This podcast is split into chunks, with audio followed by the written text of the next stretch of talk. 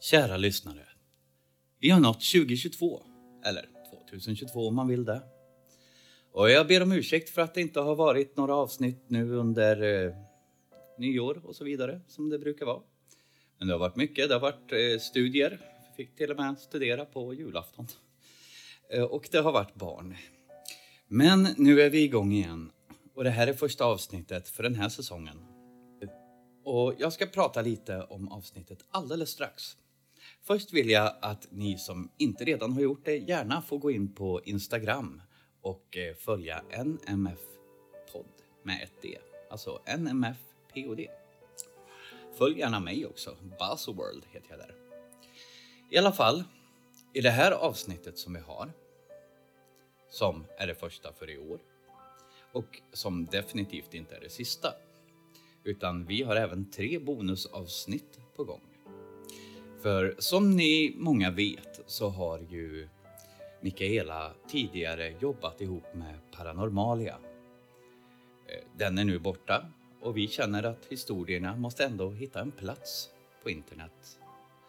Så jag kommer att läsa upp dem och släppa dem som bonusavsnitt.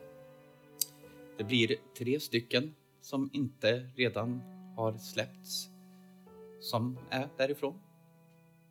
Men nu ska vi fokusera på veckans avsnitt. Och i veckans avsnitt så möter vi Klas. Klas och en väldigt fin middag med vett och etikett. Men som inte riktigt blir som tänkt kanske. Vi ska höra historien Voodoo skriven av Mikaela Schmidt och uppläst av mig, Tommy Nordin. Nu, när mörkret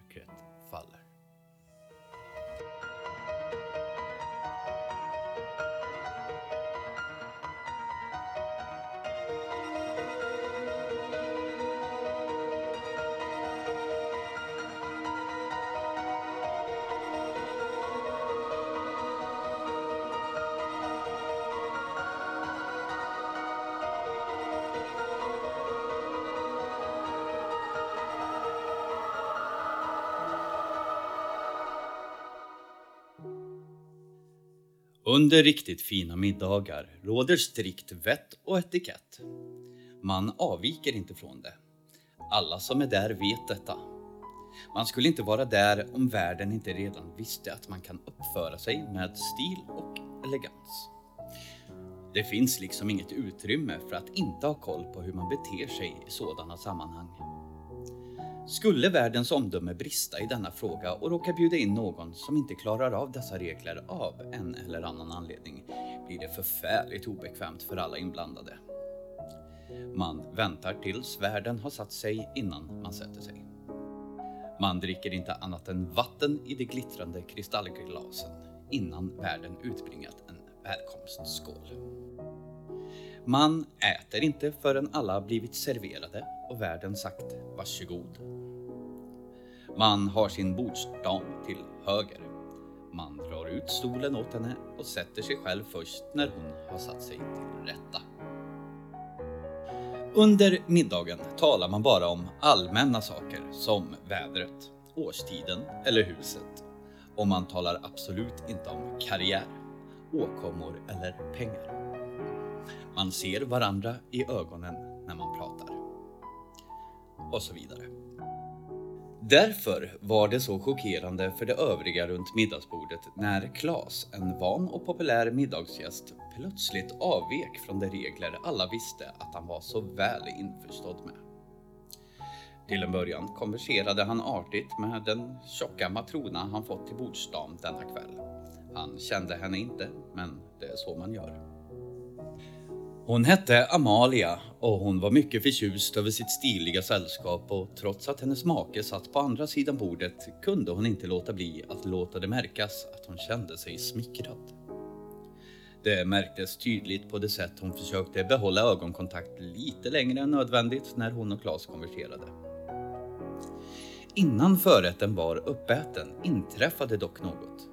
Det skulle visa sig vara det första tecknet på att den här middagen inte skulle bli som alla andra likadana tillställningar som de alla varit på. Klas började flacka. Mitt i en mening kunde plötsligt hans blick glida åt sidan på en punkt alldeles intill Amalia. Detta hände några gånger och för varje gång blev det ett lite längre ögonblick. Hans tal saktade in och till slut vände han sig bara framåt och övergick till att se ner i sin tallrik och inte säga något alls. Amalia blev förkrossad och hennes man som uppmärksammat alltihop gav henne en triumferande blick som med all önskvärd tydlighet förmedlade tyst. Där ser du, låt honom vara ifred fred nu. Han trodde sannolikt vid den här tidpunkten att Klas beteende berodde på att han kände sig besvärad av Amalias opassande uppförande. Hade Amalia kunnat himla med ögonen utan att det syntes hade hon gjort det just då. Vad var det för fel på att få lite extra uppmärksamhet för en gångs skull? Det var ju inte precis som att hon fick särskilt mycket av den varan av sin make numera. Och det var ju inte precis som att hon flörtade. Men för Klas handlade det om något helt annat. Förrätten dukades undan och personalen serverade varmrätten. Klas tog för sig av den och när värden slutligen sa varsågod smakade han lite på den läckra maten. Det var verkligen utsökt gott. Men Klas satt ändå och föste runt maten på tallriken på ett sätt som fick värdinnan att rynka ogillande på sin lilla förnäma näsa. Jaså, min mat passar inte, tänkte hon förnärmat. Klas stirrade frånvarande ner i tallriken medan han flyttade runt bitar av hjortkött och perfekt potatis i den tjocka såsen. Han teg fortfarande.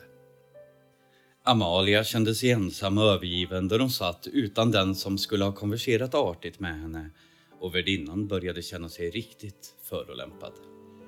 Nu började allt fler av de övriga gästerna runt bordet märka vad som pågick och efterhand dämpades samtalen och blev ganska kortfattade varefter de började iaktta skådespelet. Stämningen blev tryckt och mer stel än vad som var nödvändigt. Klas tycktes inte märka det förrän värden med ena ögonbrynet höjt såg på honom och tilltalade honom direkt. Klas! Klas ryckte till som om han plötsligt vaknat ur en djup sömn och såg sig snabbt omkring runt bordet. Sedan återvände hans blick ner i tallriken. Nu var det alldeles tyst runt bordet.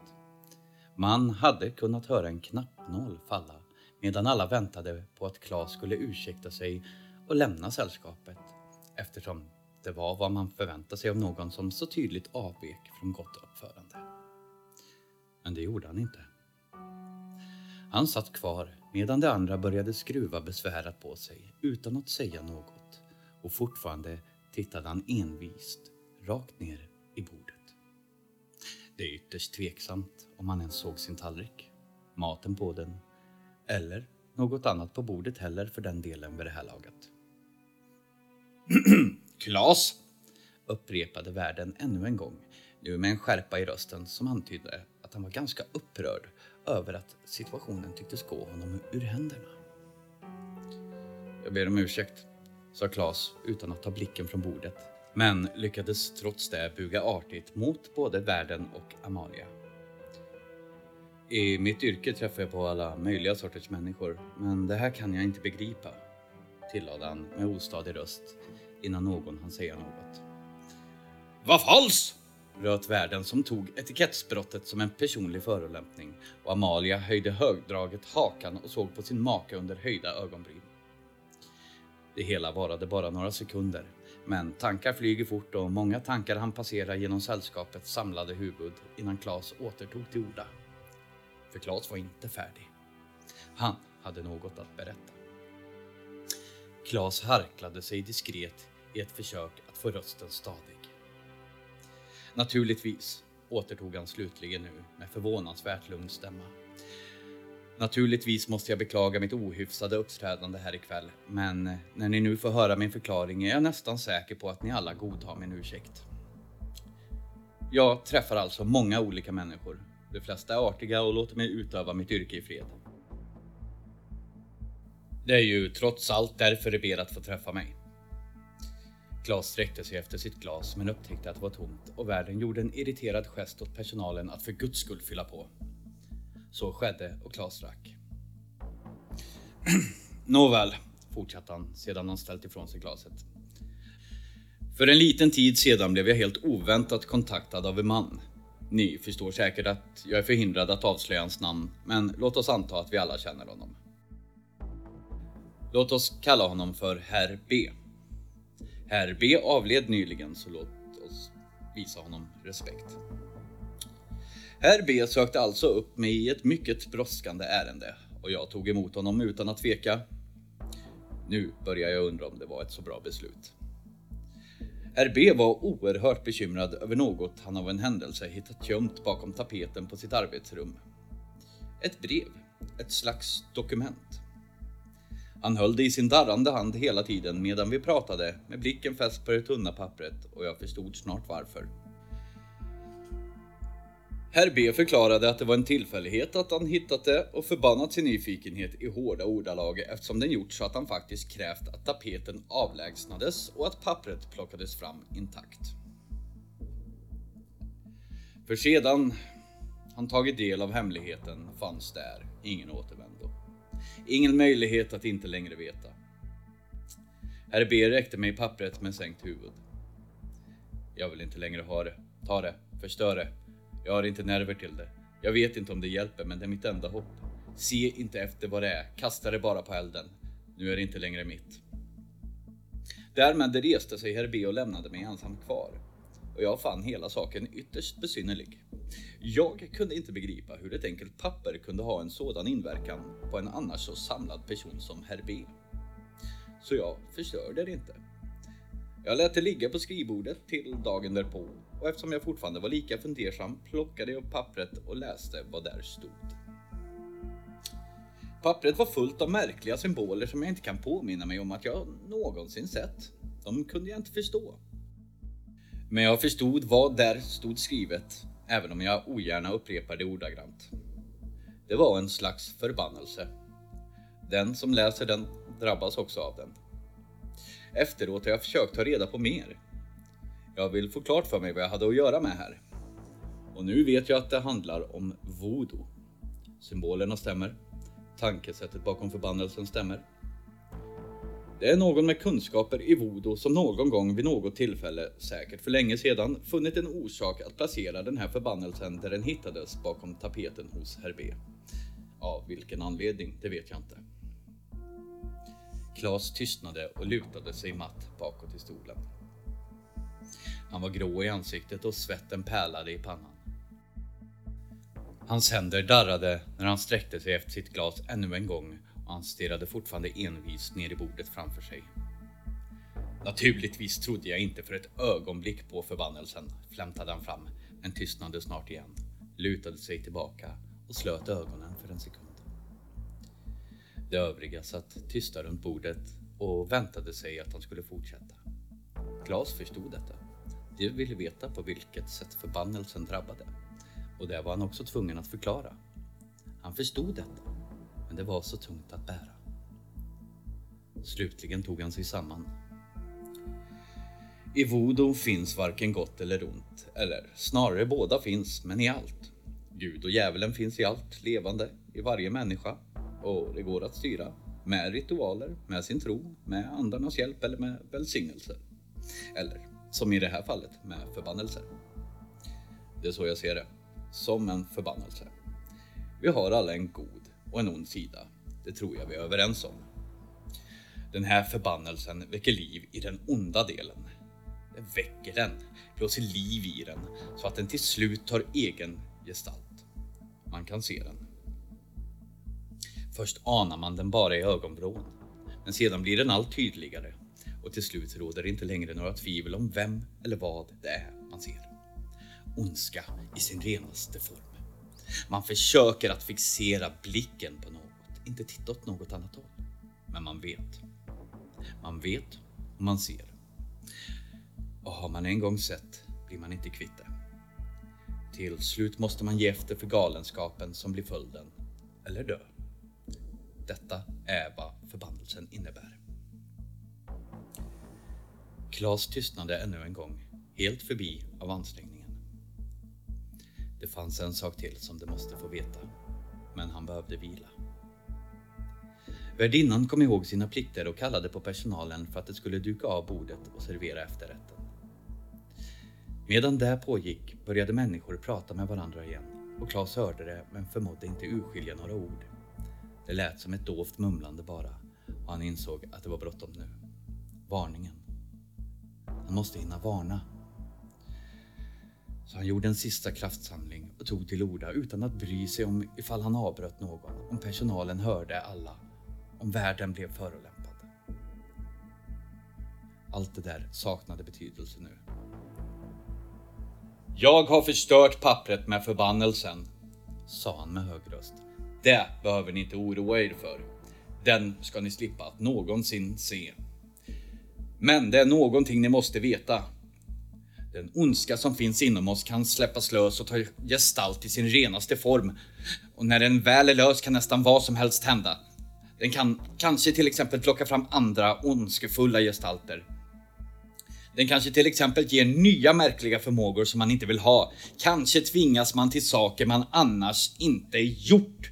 Detta är vad som hände mig här ikväll. Som jag sa, jag trodde absolut inte på allt detta. Absolut inte. Och när jag kom hit ikväll hade ännu ingen tagit plats vid min sida. Men jag slapp inte undan förbannelsen så lätt. För nu ser jag, jag är inte ensam. Det finns en till person här ikväll som har ondskan vid sin sida. Ondska dras till ondska sägs det, men jag tror att jag vet nu hur förbannelsen hamnade i herr B's händer. Det måste vara så, för vem förutom den som skrivit ner förbannelsen, jag och herr B, skulle annars ha ondskan vid sin sida? Det var helt tyst i rummet nu. Det var som om hela rummet fryst fast i detta ögonblick. Klas andning var svårt ansträngd och det pep och rosslade för varje andetag. Men han fortsatte envist att titta rakt ner i bordet. Nu förstod alla varför. Förlät det honom för hans uppförande? Svårt att säga. Med tanke på vad han hade berättat. Men, vem? Viskade värdinnan till slut med darrande röst. Och med sina allra sista krafter pekade han tyst och utan att se upp från bordet på Amalia.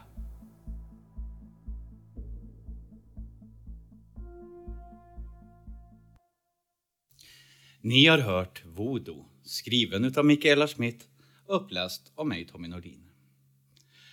Snart kommer några bonusavsnitt, så håll gärna utkik för det. Följ oss gärna på Instagram, nmfpod. Och vi får hoppas att ni allihopa har ett förbannat fint bordsskick när mörkret faller.